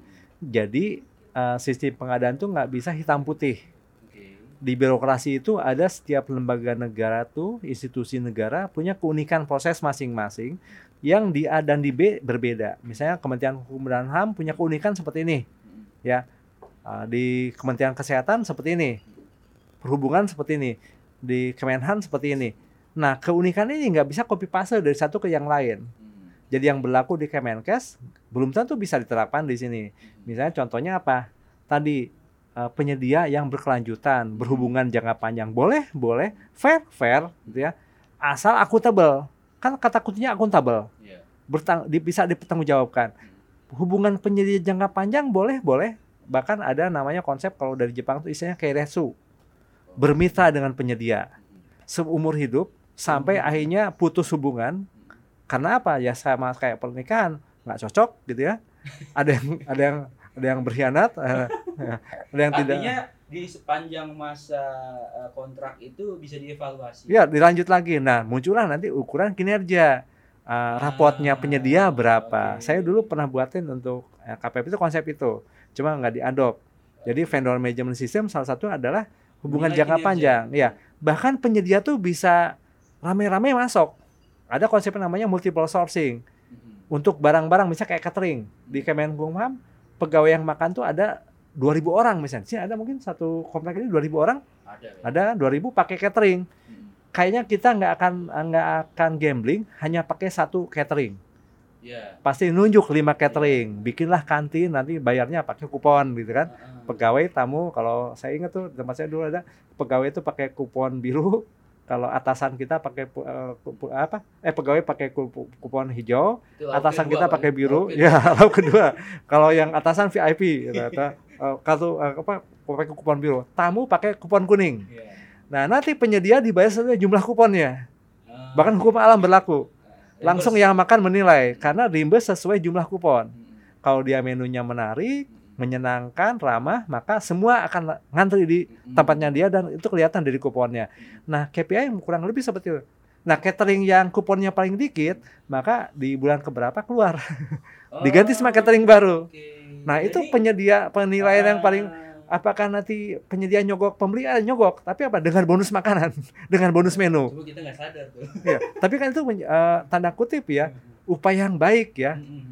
Mhm. Eh, upaya yang baik. Oh, kalau makan di tempat saya nanti ada undian. Oh, silakan aja. Kalau di tempat saya nanti ada bonus es krim. Itu kan di korporasi tuh pak. Iya. Kalau di kita kan bahaya tuh pak. Eh, tapi kan yang di yang dikasih itu yang makan langsung ya, Oh iya. bukan yang belanjanya. Oh, iya, iya, oke. yang belanjanya jangan. Di korporasi juga sama. Kalau belanja dikasih hadiah nanti masalah Iya, juga. iya. Nah, Berarti tapi yang makan berlaku untuk panitia pengadaan. Betul. Untuk yang makan, ayo, oh saya mau makan soto sebelah sini karena nanti habis ini dikasih jus gitu kan. Mhm. Yang sebelah sana eh, nggak ngasih Mhm. teh manis aja eh, apa kurang pahit gitu kan atau kurang gulanya. Sini ngasih es krim, ngasih jus gitu ya. Sehingga antri ke situ. Nah, itu multiple sourcing. Terus hubungan jangka panjang boleh karena prinsipnya akuntabel.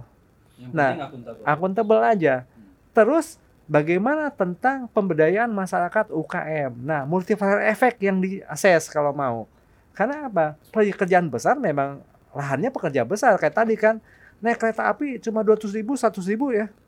Tapi lihat modalnya PT KAI untuk bikin investasinya, kelola rel segala macam.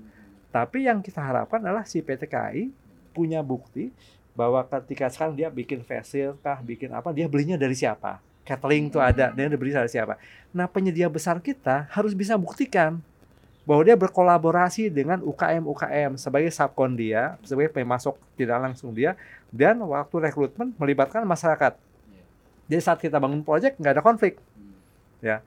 Nah itu yang kita tanya ke penyedia. Nah itu di prinsip order ada tentang economic scale, Hmm. tentang uh, efek ke masyarakatnya.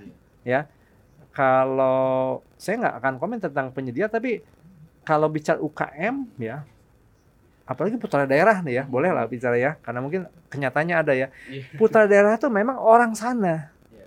Mohon maaf, bukan putranya kepala daerah. Putra daerah pribumi. Ya pribumi, bukan putranya kepala daerah. nah itu jangan sampai, nah itu nanti ke fraud larinya. Dan itu nanti butuh kematangan tentang memahami integritas ya. Jadi itu sebetulnya, mau jangka panjang boleh. Kata kuncinya akuntabel aja. Akuntabel, transparan, otomatis akuntabel masuk ke semua kan. Sehingga saat di audit enjoy gitu kan. Auditornya enjoy, yang di auditnya yang di audit juga enjoy. Hmm. Auditor kata siapa auditor nyarinya kesalahan tidak sih gitu ya. Hanya memang kalau ada finding auditor memang bahasa tubuhnya lain gitu. Iya, iya. memang beda kalau auditor kan nemu finding ya. Iya. Kadang memang gini Pak, eh, tadi balik lagi ke masalah vendor yang kita percaya. Ya. Eh, apa namanya? Tidak semua eh, vendor atau pelaku usaha di, di negeri kita ini Hmm. punya syarat yang, yang apa namanya? memenuhi syarat pengadaan barang Oh, iya. pemerintah. Oke. Seperti contohnya yang tadi kita ngobrol-ngobrol Pak Hmm, sebelum, iya. sebelum eh, Ya, nih misalnya itu kan oh, ada teman-teman talent Heeh. ya dari dari broadcast multimedia, dia tuh mampu kok, tapi syaratnya. Nah, kalau itu di konsep pengadaan modern ada namanya pembinaan penyedia. Pembinaan penyedia. Jadi ada istilah yang Tapi jobnya. itu bukannya ranahnya LKPP. Pembinaan itu diregulasi, tapi kan penyedia dari kita. Di lah- di ranahnya Pokmil PPK-nya ada pe- pembinaan ya. UKP juga ada pembinaan penyedia sebelum nanti dibinasakan gitu kan. Misalnya alam ya, Oh, bukan belum belum putus kontak enggak gitu. Dibantu. Misalnya gini UKM itu mungkin problemnya adalah perizinan. Betul. dijembatani. Hmm, dikasih tahu. Ah, dikasih tahu. Kalau perlu kita undang Hmm, teman-teman yang dari KL terkait. Hmm, kata penyedia kadang-kadang stereotip ya prasangka. Wah bikin perizinan susah. Hmm, karena mungkin yang dia hubungi perantara. Hmm. coba undang orang OSS-nya apalagi OSS kan di bawah Kemenkumham juga. Kasih Ah, iya, betul. coaching ke para calon penyedia. Oh, kalau Bapak Ibu daftar perizinan begini ya, kita kenalkan dengan notaris-notaris yang Hmm. paket hemat gitu kan. Eh, jadi Ya, mereka bisa pinggiran, prosedural, bisa prosedural, masuk ke proses itu, izin. Oh, ngurus pajak pusing, Eh, minta bantuan teman-teman dari Ditjen Pajak ngasih brief tentang pajak, sehingga nggak ada alasan. Hmm, Nah, ketika persyaratannya mungkin ada berapa regulasi yang agak terlalu ini, bicara dengan regulator penyusun. Eh, harus diaudit oleh akuntan publik. Hmm, Apa bisa dikondisionalkan tidak? Loh kenapa? Kalau kontraknya cuma 50 juta, bikin neraca dia audit akuntan publik, habis uangnya. Ah, dikondisikan nanti. Nah, ada berapa ya? Makanya kalau lihat seperti model itu cocokan. hmm, Jadi misalnya tadi, oh cari ATK yang bagus-bagus, jadinya toko besar hmm. yang ada di mall. Saya nggak boleh nyebut namanya ya. Ada berapa toko besar yang di mall ya? Karena apa? Ditanya, Bapak PKP apa tidak? Berizin apa tidak? Bersertifikasi tidak pegawainya? Jadinya toko buku yang ada di mall yang masuk. Iya. Padahal di depan kita ada UKM UKM grosiran to, eh, ATK yang agennya dari eh, pabrik ATK besar yang kita bisa kasih kontak 5 Ini- juta, 10 ini masuk juta. rantai pasok nih, Pak. Betul. Tapi kalau kita kasih syarat yang harus TB apa harus eh, bersertifikasi di audit akuntan publik, berizin A, berizin B, manajernya sertifikasi, ya toko-toko buku besar yang ada di mall yang masuk. Iya. Dan harganya juga sudah Ya harga akan lebih tinggi. retail. Padahal di depan kita ada koperasi punya war, koperasi toko-toko punya warga, iya. tapi sayang izinnya. Nah cocokkan nanti. Nah kalau memang mandat regulasi kita bantu CEO anak kerjasama. Nah ini perlu koordinasi lintas KL. Nanti dari sini bisa ajak ngobrol ke Menkop UKM, ke dinas UKM, Kementerian Perdagangan. ke dinas perdagangan, terus ke mana lagi ke kantor pajak di Kemenkumham ada OSS, ke Pemprov. Coba ngebina ini Eh, para penyedia. Saya pernah ketemu teman tuh di Bandung ada ya, di satu instansi X gitu ya. Dia bingung. Kang kalau nyari desain interior di mana ya? hmm. Saya bilang nggak pernah lihat-lihat. Emang Banyak kenapa? Di depan kantornya dia ada. tapi ternyata desain interiornya nggak mau masuk. Ah, Itu tadi persyaratannya. perizinan. perizinan segala macam dan menurut desain interior kayaknya nggak perlu izin itu. Nah berarti apa? Ada harmonisasi syarat izin yang disesuaikan dengan konteks terkininya gitu kan. Eh, jangan terkunci dengan oh, harus kualifikasi A, kualifikasi B, disesuaikan dengan konteks praktisnya. Dan jangan salah, kadang aturan-aturan itu sudah ada di Kementerian Teknis Ah, tetangga kita. Cuma kita nggak pernah ngobrol sama yang sebelah, gitu. sama kantor sebelah nggak pernah ngobrol gitu. Terus saya bilang ada loh di depan kantor situ. Iya tahu, dianya nggak mau katanya. Saya kenal kok, sering ketemu main futsal segala macam. Cuma dianya nggak mau, apa ribet katanya kalau jadi penjadi pemerintah. Ternyata saya lihat, oh syaratnya ini yang keliru. Syaratnya mungkin dan juga soal pembayaran, Pak. Lama. Ya, nah di pemerintah tuh unik, bisa lebih cepat, bisa lebih lama gitu kan. Oke. Nah kalau di swasta ada tenor, Ah, lima hari, 10 hari, satu bulan, dua bulan pasti. Kalau lama memang lama dia penjadi menghindari. Ada yang cepat, tapi di pemerintah kadang cepat, kadang lama. nah ini yang mungkin nanti harus itu dicari itu, Pak. dicari titik temunya Iya, bagaimana iya. supaya bisa sa- ketemu satu alur. ya. Kadang Mis- saya sering temui Pak kontrak pengadaan barang jasa di kontrak itu sebenarnya ada batas waktu PPK melakukan pembayaran Ya. ya kan berapa lama. Cuman praktiknya nggak pernah dipatuhi itu. Jadi kalau di, dicek bener-bener nih banyak PPK one prestasi sebenarnya. Walaupun kalau PPK investasi aman, Iya. karena KUHP menyata, KUH Perdata menyatakan eh, kalau salah satu pihak dicederai dia bisa menggugat pilot. Nah, negara nggak bisa dipilotin. iya.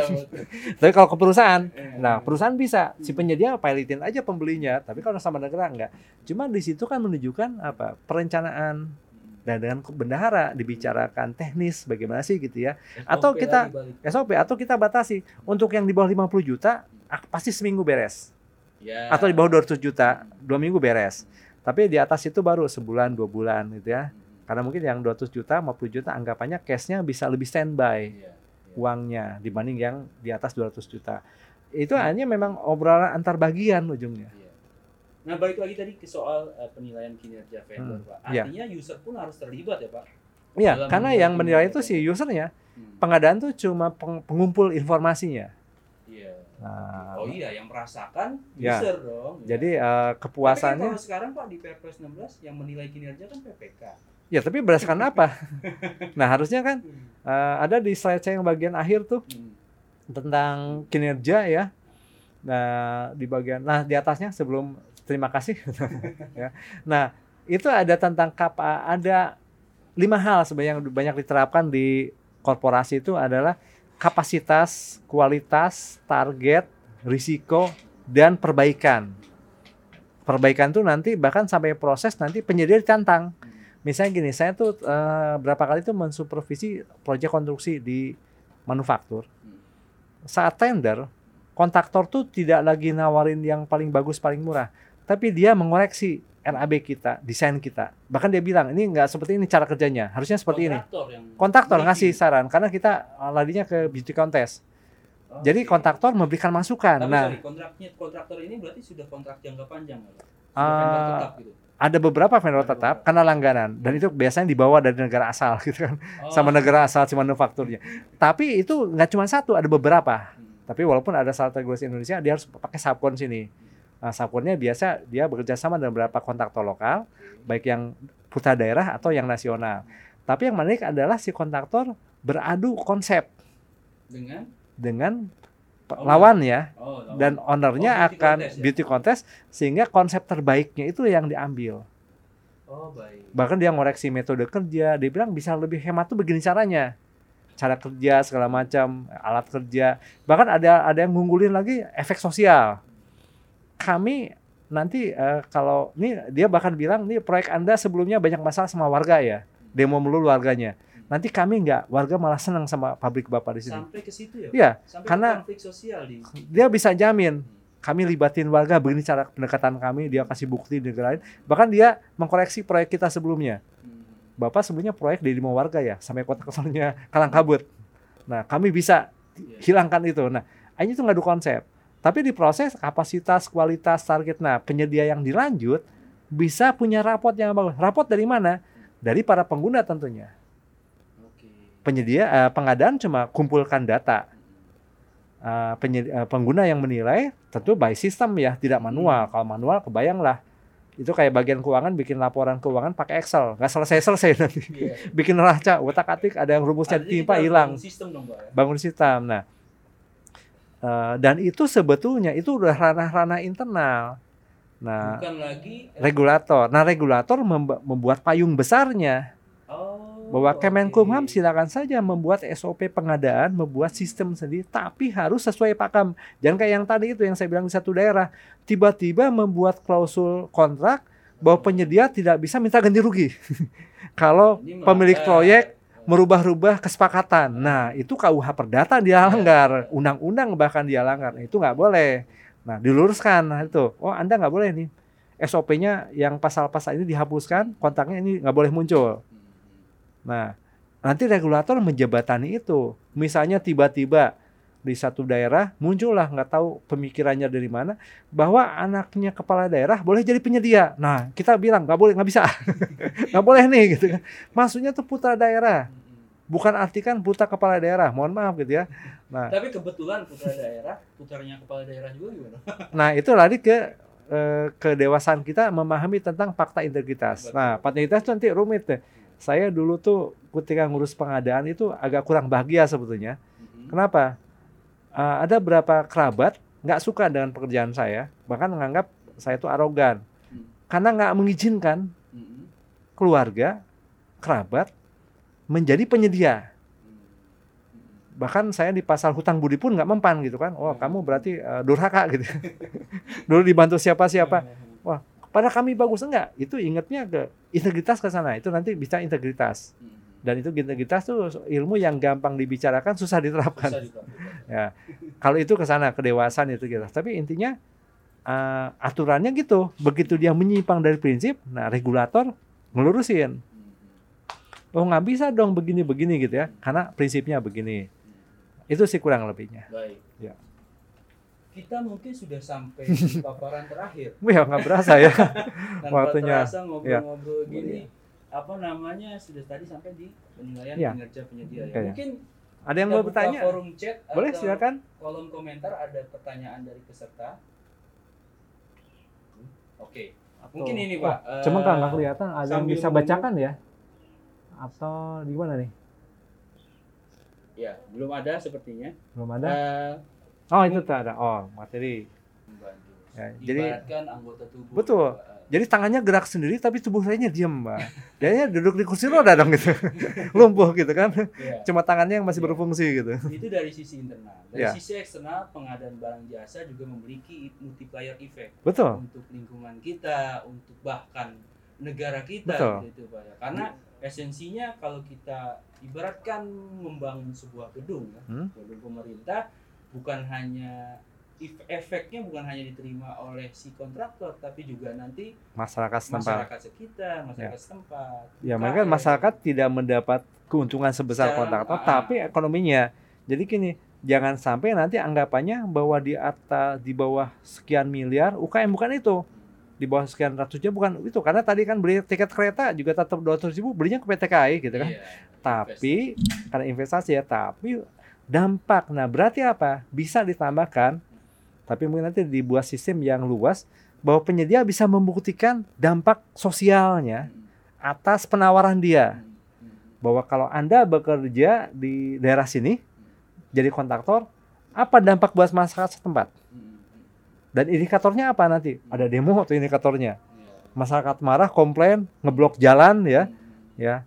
Uh, itu bisa nggak dia kelola itu? Masyarakatnya happy dengan proyek itu, dapat uh, dampak sosialnya, security-nya orang setempat, uh, kulinya orang setempat, manurnya orang setempat, Bahan bahkan kok ada bahan bakunya dari warga setempat. Nah itu yang harus dilihat. Jadi pas dia bikin urutan subkon SDM, dia bisa pertanggungjawabkan. Itu yang saya lihat di negara maju suka diminta. Kalau dia ada pengadaan publik, apa dampak eh, dampak berantai ke ekonomi masyarakat? Ini yang harusnya dimasukkan. Jadi sebetulnya nanti bukan masalah penyedia besar kecil, tapi yang penting buat kita adalah dampak sosial. Apalagi sekarang nih. Mengapa misalnya di negara maju sampai sekarang lari ke padat karya? Iya. Otomasi ini- di-stop nanti dulu. Akan kita masuk dalam episode value for money. Iya, betul betul. Nah itu sebetulnya yang eh, jadi eh, intinya kalau dari Perpres 16 sudah membuka ruang. Sudah membuka ruang. dan nanti dari regulator dan LKPP akan melihat apakah rambu-rambunya kayak tadi kan ternyata memahami keliru tentang definisi putra daerah tentang melanggar batasan di undang-undang ya. Bahwa penyedia juga punya hak. Anda jangan langgar haknya gitu kan. Bahwa dia juga punya hak berlindung di bawah hukum ya tentang haknya dia yang juga bisa komplain. Malah dihapuskan. Bahwa penyedia bikin pernyataan tidak akan menggugat mempertanyakan. Nah, itu nggak boleh. Karena undang-undangnya menyatakan kesetaraan ketika berkontrak. Nah regulator akan melihat itu bahwa yang kita bikin di SOP-nya tidak melanggar prinsip-prinsip regulasinya gitu. Ya, jadi coba saya garis bawahi hmm. sebenarnya kelembagaan, regulasi atau uh, ekosistem pengadaan pemerintah sebenarnya sudah di apa namanya difasilitasi oleh oleh regulator oleh hmm. LKPP Betul? Uh, diberi kesempatan kepada kita untuk uh, seluas mungkin gitu ya. Bukan apa namanya kita membangun SOP sendiri. Ya asal tentunya ya, mengikuti rambu-rambunya. Mengikuti rambu dan prinsip-prinsip dasar. Ya, yang sekarang kelihatan kan ada yang mencoba kreatif, hmm. tapi malah labrak rambunya. Yeah. nah itu ya kurang pas juga. Hmm. Atau malah sebaliknya tetap ngikutin rambu tapi dengan cara kaku gitu ya. Hmm. Wah, saya nggak bisa juga nih. Nah itu juga jadi jangan melewati, tapi jangan juga terlalu khawatir ya. Hmm. Pokoknya kalau udah goodwillnya udah niatnya udah baik ya nggak masalah sih sebetulnya. Oke, oke. Ya. Gimana? Sudah ada pertanyaan yang masuk? Ada pertanyaan? Silakan. Oke. Boleh diperbesar. Ya, dari Bapak Ifrem Tanah. Ya. Ini dari Makassar, Pak. Oke, oke. Dari Makassar. Izin bertanya apakah ketika melakukan pembelian ATK misalnya, hmm. belinya di mall besar sedangkan ada UKM nah. yang dekat dan menjual ATK yang dimaksud.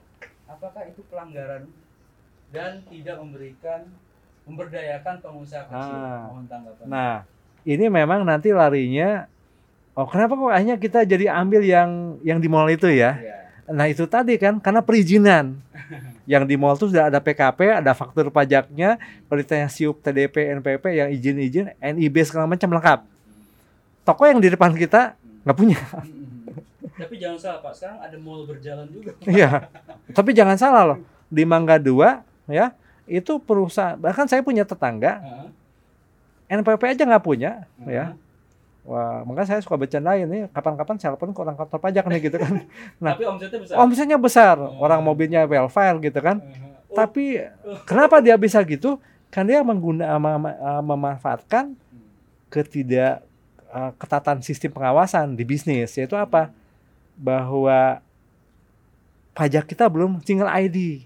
Single ID, Okay. Itu kata kuncinya. Kenapa? Jadi orang ada yang bisa bayar pajak nggak pakai NPWP apa? PKB coba lihat. Retribusi? Nggak ditanya kan NPWP sih ada orang nah itu kelemahan dari sistem yang dia manfaatkan. Nah dan di korporasi uh, beberapa perusahaan hanya melihat efisiensinya karena yang tidak berizin kadang lebih murah. Nah kalau yang tadi masyarakat itu nah kita fasilitasi tadi uh, gimana mereka jadi penyedia tapi comply nah bantu mereka mendapatkan izin uh, jembatani ya. Nah, sehingga dia mau ngikutin prosedur. Saya lihat kan sebetulnya kalau ngurus izin itu sendiri di OSS itu biayanya sangat murah, nyaris nggak ada biaya. Biaya itu cuma notaris. Uh, bahkan daftar OSS-nya bisa sendiri ya. Uh, bisa sendiri sampai berapa puluh kali revisi juga bisa tuh. Uh, hanya notarisnya mungkin. Uh, notaris juga bisa dibicarakan ya kalau yang untuk KM. Jadi modal dia nggak akan sampai berapa juta nggak akan. Ya worth it lah dengan kontraknya. Hmm. Bahkan ke penyedia saya dulu suka bilang, Anda ngurus izin 5 juta berat amat. Padahal kontrak dari kita berapa gitu kan. Hmm. Saya suka bencanain. Nah, dibantu mereka untuk ngurus izinnya di jembatanin dan jembatani dengan cara ya itu tadi kolaborasi hmm. ke UKM minta bantuan. Karena mungkin di sana ada, ada program hmm. untuk gratis biaya segala macam. Iya. Nah, sehingga saat dia masuk jadi penyedia dan di kita kalau tadi supply posisi model itu kita posisikan rutin. Nah, yeah. jadi kalau kita nanti ngomong bela UKM di situ maksudnya bela UKM, ya. Bukan sekedar nama ya. Iya betul di situ caranya difasilitasi. Berarti apa? Ada pemberdayaan masyarakat. Karena kalau langsung harus bapak masih ini ini, udah nggak punya dia. Iya, iya. Nggak nggak melek hukum, tapi kita bantu. Atau anda nggak boleh nggak kalian bikin komunitas bisnis aja deh gitu kan bisa izinnya kolektif bareng-bareng Nah, di, nah itu dibantu. Karena kalau memang ngikutin standarnya prakualifikasi, memang yang masuk yang di mall itu. Tapi mungkin juga sekarang LKPP kan juga sudah mengeluarkan fitur terbaru ya, Ya. bela pengadaan tuh Pak. Nah, Ya. Itu yang toko-toko kecil atau perorangan itu masuk ke dalam aplikasi. Tapi nanti batasannya bukan nilai ya, Ah, ah. tapi eh, risiko pekerjaannya. Ya. Karena tadi kan beli tiket pesawat ya tetap sama maskapai besar. Iya, iya, iya. Tiket kereta api aja 200 tetap sama perusahaan besar Nah, kan. kalau di supply positioning model ini masuk dalam kategori barang rutin ya, Pak. Barang rutin. Nah, cuma dipermudah penyediaannya, Ya. difasilitasi, Diberi uang. diberi ruang. Nah, lahannya siapa? Hmm. Nah, mungkin di kementerian, di dinas ada yang pemberdayaan masyarakat, tapi bukan bagian pengadaan. Nah, dia yang bantu. Atau kalau enggak ke teman sebelah, Hmm. Ke Menko UKM, ke dinas eh, koperasi perdagangan. Kalian ada anggaran nggak? Itu banyak potensi-potensi penyedia yang kesulitan tentang izin usaha, nggak paham bisnis proses, nggak profesional.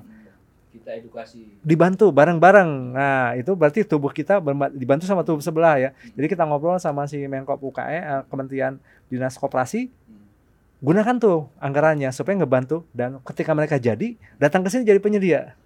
Iya, sudah dengan ijazah. Oh, Ya, dengan ijazahnya, dengan Izin izin-izinnya gitu kan, dengan sertifikasinya segala macam gitu ya. Sudah lengkap. Karena mungkin kalau sekarang dijadikan jadi problem memang. iya, betul. Terbentur dengan Terbentur dengan dengan izin usaha. Yang kejadian adalah jadi ironi. Dia hanya di- didatangi oleh orang-orang yang punya izin Hmm. tapi nggak jelas usahanya. Nah, itu malah jadi nggak bagus. Hmm, iya, iya. Cuma punya bendera gitu, Pak. Iya, punya bendera gitu kan. Nah, kalau punya bendera 17 Agustus aja beredarnya. Ada lagi mungkin? Ada lagi lain? yang bertanya? Nah, oke. dari Adintosa Sungkai Buma. Ini Hmm. namanya panjang sekali, tapi namanya saya tahu nama aslinya. Ya. Ini mungkin dari Lampung ya, Oke. Pak Santos dari Lampung. Bertanya Pak, kalau kita memilih penyedia dengan spek barang yang lebih baik dari spek yang telah kita buat, apakah diperbolehkan dan harganya tidak lebih dari pagu? Oh maksudnya jika penyedia ada yang menawarkan spek lebih baik dan Hmm. harganya tidak melebihi pagu, boleh nggak Pak? Nah, ini sebetulnya nanti lari ke pemahaman Hmm. tentang value for money sebetulnya ya. Nah, Nanti Dan kemudian, khusus, Pak, betul. Dan definisi tentang apa yang disebut sebagai uh, efisien ya. Ya, Nah, sekarang ternyata dibaca tuh efisien paling murah dari semua yang masuk. oke. Hmm. Nah, bagaimana menguji ini supaya nggak terjadi? Hmm. Pertama tuh waktu memilih penyedia apple to apple. Misalnya mau beli ayam goreng nih ya, ayam goreng fried chicken. Budget kita berapa sih sebetulnya? Mau beli yang 50 ribuan apa yang 5 ribuan? Kalau mau beli yang 50 ribuan, yang 5 ribu jangan masuk. Karena nanti persaingannya jadi Nggak kacau. apple to apple. Nggak apple to apple. Satu apple Malang, satu apple Washington. Dulu ada yang pernah cerita gitu kan. Ya aku apple Washington, apple Washington semua gitu kan. Nah, itu itu pertama filternya. Jadi dibatasi. Saya mau KW1, ya semua KW1 yang datang. KW3 nggak usah ikut gitu kan. Nah, setelah itu eh, prinsipnya adalah harga terbaik. Nah, Bukan Kalau- harga terendah. bukan harga, nah, tapi ini harus ngobrol keluar nih soalnya Heeh. ke auditor, ke banyak Ya, pihak. Banyak pihak. Uh, tapi prinsipnya adalah kalau mau hemat, kalau mau efisien, nilai akhir penghematan anggaran yang dilihat. Jadi misalnya gini nih, ini beli air mineral gitu ya, merek A, 5000 Hmm. Ada yang lebih murah, ada. Hmm. Datang ke isi ulang, diisiin 500 Hmm. Tapi hasil itu kita diare, misalnya ya. Nah, itu berarti kan hanya melihat murah, Hmm. ya. Tapi Tidak tidak, melihat ah, kualitas. tapi yang dilihat adalah ini ada yang mau minum berapa orang. Oh, yang mau minum da- 10 orang. Ya belinya 10 aja pas. Habis Jangan itu lebih. jangan lebih, habis itu diakses. Biasanya nih orang kalau bertamu minum tuh kayak sosialita, syarat aja menghormati tuan rumah. Iya. Jadi jangan dikasih botol satu liter, dikasih botol yang 250 liter. Eh, Karena- ini koreksi loh. Karena tamu ini, kalau ini kan pasti minum semua gitu. Maksudnya kalau tamu itu nggak akan minum. Kalau ini sih masih mending ya. Dikasih yang setengah liter. Oh, iya. Nah, tamu itu hanya basa-basi minumnya. Ya kasihlah yang gelas kecil. Sehingga kalau gelasnya cuma berapa. Iya, iya. iya. Tapi jangan kasih yang botol besar Hmm. gitu kan. Nah, Nah, menghematnya di situ, di speknya. Nah, Tadi kalau balik lagi Pak tadi identifikasi kebutuhan. Iya betul. Nah kalau masalah konsep harga murah, harga terendah, itu memang harus duduk bareng dulu. Karena saya lihat persepsi tentang nggak nyebut merek aja masih dengan auditor masih belum sepakat. Padahal di perpesnya udah jelas. Boleh saja nyebut asal bertanggung jawab. Asal ada bukti historis pemakaian dan bertanggung jawab. Masa ada bukti kenapa justifikasinya mirip? Ya, misalnya kenapa pakai mobil kok di sini mobilnya merek A semua? Nah, Perawatan. iya. Kalau pakai mobil 10 merek Hmm. itu bagian umum pusing tuh kalau ngurus hubungi bengkel 10 10-nya telepon gitu. Ada tanggung jawabnya di situ. Tapi faktanya masih banyak kok auditor yang masih menanyakan loh kenapa milih merek gitu. Padahal mungkin a- dalam sudut pandang mereka merek lain ada Tapi efisiensi kan perawatan, pemeliharaan, Ya. kontrol. AC nih kalau pakai 5 merek gimana ya? iya, TV ini pakai 5 merek. banyak vendor yang bukan cuma banyak vendor di operasional aja dikacau. Nggak sinkron repot ya. Nah itu tanggung jawabnya. Nah itu memang kalau masalah harga murah harus duduk bareng dulu sih. Karena mungkin sepakat di sini nggak sepakat di tempat lain. Nggak sepakat dengan uh, Kementerian Keuangan nggak sepakat dengan LKPP nggak sepakat dengan auditor negara ya. Harus duduk dulu tentang apa yang disebut efisien tuh baik, baik, Pak. Ada lagi mungkin ada tadi ya Pak Santos mudah-mudahan sudah puas dengan jawabannya. kalau Indonesia Tengah mungkin sudah masuk sholat kalau Indonesia Tengah ya sama Timur Iya, sudah masuk sholat Jumat. oke Ada? Oke. Eh, tadi coba melanjutkan sedikit Pak Hmm. pertanyaan dari Pak Santosa. Eh, kalau pernah, misalkan kita mau beli AC dengan spek 1 PK, Ya. harga misalkan satu juta, misalkan. penyedia ada yang nawarin 2 PK, harganya satu juta juga. nah, Tapi kondisi ruangan kita cuma butuh satu PK ya tiga kali tiga lah. Nah. ya kan? Nanti kalau karena kita hitung yang ideal adalah satu PK tapi kan penyedia ada yang nawar 2 PK gitu. Nah, itu gimana pak? Dalam Nah, kondisi itu- seperti itu seperti kalau itu bahkan nanti ada satu model Ervan namanya biaya sama umur ekonomis ya Mm-mm. atau total cost of ownership. Mhm. Jadi membeli itu nanti lihat dampak biaya. Nah, ini yang Jangka kemarin panjangnya. jangka panjang ini yang kemarin saya temukan ini di beberapa Pemda pengen gaya. Waduh, beli mobil SUV Mhm. buat Pak pejabat. Mhm. Operasional pakai double cabin. Mm. Wah. Begitu begitu bayar pajak tahun depan kaget. Waduh, PKB-nya malah amat ya. Saya pikir kayak pick up. Servis sih dua tahun pertama aman, masih gratis. Tahun ketiga masuk kaget lagi. Loh, mahal amat ya gitu. nanti belum spare spare part Wah, spare partnya kaget kan. Apa pilih merek yang jarang beredar di sini gitu kan. Nah, itu kan menunjukkan membeli itu bukan lihat harganya saja tapi biaya ke depannya Biaya. kalau investasi. Kemudian kebutuhannya AC misalnya kalau pakai alat merek A lagi ini 2 juta. Merek B 1 juta. Cuma problemnya di gedung ini hampir semua bagian pakai merek A dan kata engineering cocok ke merek A. Tapi merek B lebih murah. Akhirnya dipasang merek B yang nggak cocok, nggak bisa nyambung ke mana-mana. Teknisi masih belajar lagi. Belum lagi tadi PK-nya. Nah sebetulnya di situ nanti harga murah saat beli menjebak kita di operasionalnya.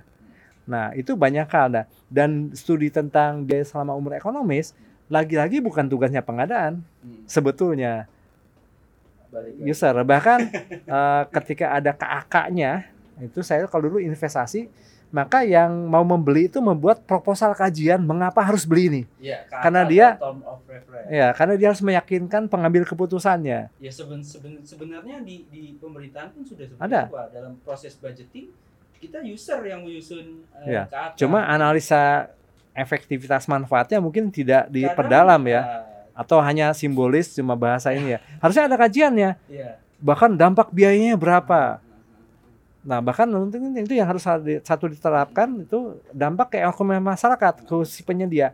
Anda bisa bikin kajian bahwa kalau Anda saya pilih, maka masyarakat setempat bisa sejahtera, bisa dapat kue ekonominya Iya, gitu kan. betul. Kata Bapak, KAK ada Pak, TOR ada, cuman karena tidak di-review dengan baik atau hanya reviewnya hanya sampling, kebanyakan Pak ya, Ya. hanya memenuhi syarat saja tuh. Ya, kayak tadi kan kayak tadi beli lucu.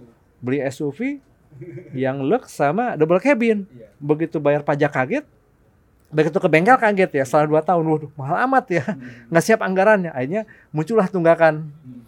Nah, sama kayak pasang lift di kantor yang dua lantai, jarang tamu. Oh, di bandara kok pakai lift? Ya, pengelola bandara pendapatannya berapa dari service charge yang dicas ke tiket dan biaya parkir pesawat di terminal bis. Iya. berapa bisnya bayar biaya parkir? Dan intensitas intensitas. jadi kualitas penumpang dan harga yang dibayar penumpang tuh di bandara lebih mahal dibanding yang dibayar terminal bis. Makanya terminal bis ada di beberapa terminal bis yang hebat-hebat kalau bukan musim mudik udah serem tuh panas gelap gitu ya. Karena nggak dinyalain semua. Kosnya tinggi ya kosnya karena nggak sebad sana. Itu nanti ada kajian tentang jadi memang dan itu lagi-lagi teman-teman yang lain yang ngebantu. Baik. sama ini kan seolah pengadaan yang ngurusin ya. Saya lihat kalau ada training HPS itu yang ikut PPK lagi PPK lagi kadang pokmilnya user jarang ikut tapi kalau yang BUMN swasta pasti user-usernya Ya, yang ikut. Kalau pengadaan kadang-kadang ikut gitu.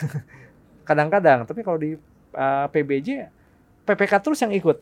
Nah artinya kan seolah bebannya nyusun HPS ada di PPK Nah, program ini Pak, Profil Hmm. Ini sebenarnya memang uh, mencoba mengawali hal tersebut. ya Jadi coba mendekatkan pengadaan ini kepada user juga. Bukan Betul. berarti kita mau ngelibatin user uh, secara penuh enggak, tetap memang ada batasan-batasan. ya uh, batasan kewenangan kewajiban tapi kita butuh juga nih apa namanya yang tadi kita cerita udah panjang lebar dukungan juga dari Betul. user input dari user yang yang sempurna supaya kita juga bisa memenuhi kebutuhan barang jasa mereka dengan sempurna ya kalau di rantai proses aktivitas maka nanti harus diulang dilihat lagi adalah aliran proses dari bagian ke bagian Ah, jadi kalau nanti di bagian KPPJ dibentuk menyusun SOP, maka bagian lain juga harus melihat SOP-nya beririsan dengan UKPPJ-nya gitu kan.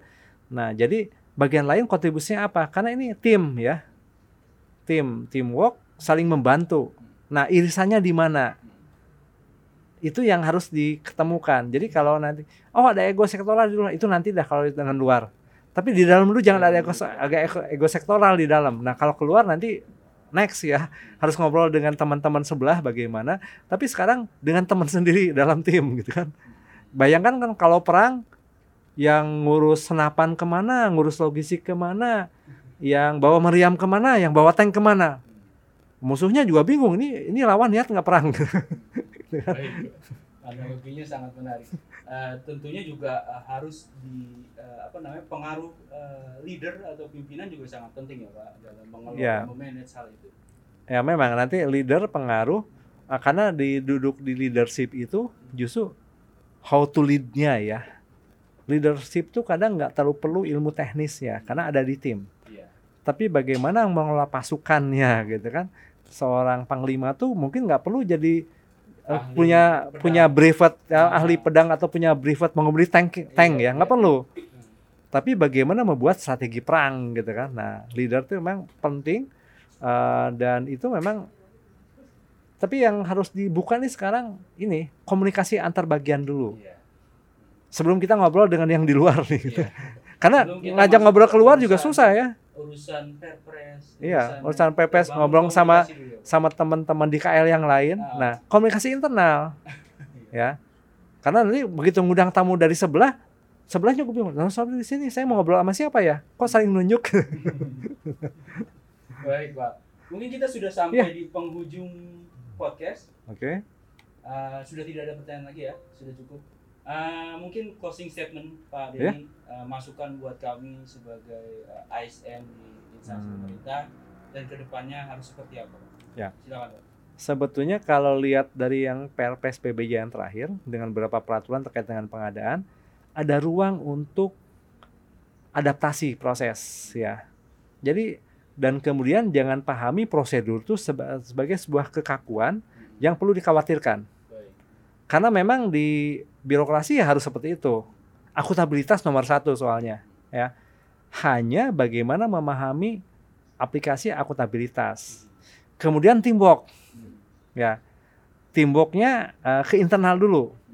Sebelum kita nanti ngobrol eh, lintas sektoral, eksternal, internal.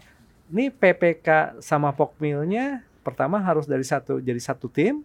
Setelah itu dibantu sama tim sebelah supaya beban pengadaan tim pengadaannya nggak terlalu berat karena ada beberapa tuh irisannya di bagian lain perencanaan realisasi ya serah terima penggunaan pengawasan ada di tim yang lain nah ini saling bantu Nah, bagaimana merumuskannya? Nah, itu yang harus dibicarakan bareng-bareng setelah ini di internal. Hmm. Dari tim Pak Setio ketemu dengan teman-teman yang lain, ayo gimana nih ngebahasnya ya? Irisan ini bagaimana? Dan itu boleh-boleh saya diaturan. Sepanjang akuntabilitas tidak dilanggar, Tetap dijaga. ya tetap dijaga gitu. Baik. Itu saja sih. Terima kasih banyak Pak Denny atas Sama-sama. apa namanya penambahan ilmunya. Ya. Ini luar biasa. Eh, jarang sekali kita bisa punya kesempatan seperti ini Pak. Mudah-mudahan ini kali pertama mudah-mudahan Pak Denny nggak kapok ya Pak kita undang lagi. Ya boleh Dan boleh. mudah-mudahan kondisi kita juga eh, pandemi ini pandemi ini bisa segera Ya. berakhir. Untuk Bapak Ibu sekalian peserta webinar podcast pada eh, siang hari ini saya ucapkan terima kasih banyak atas waktu dan kesempatannya bisa menyimak kami dari awal hingga akhir. Mohon maaf apabila ada eh, kekurangan selama penayangan acara ini. Mudah-mudahan juga apa yang kita sampaikan Ya. menjadi manfaat Pak Ya. untuk diri kita sendiri dan juga untuk organisasi. Saya Sastio Haji Darmawan undur diri sampai ketemu di episode berikutnya. Assalamualaikum warahmatullahi wabarakatuh. Ya, selamat siang.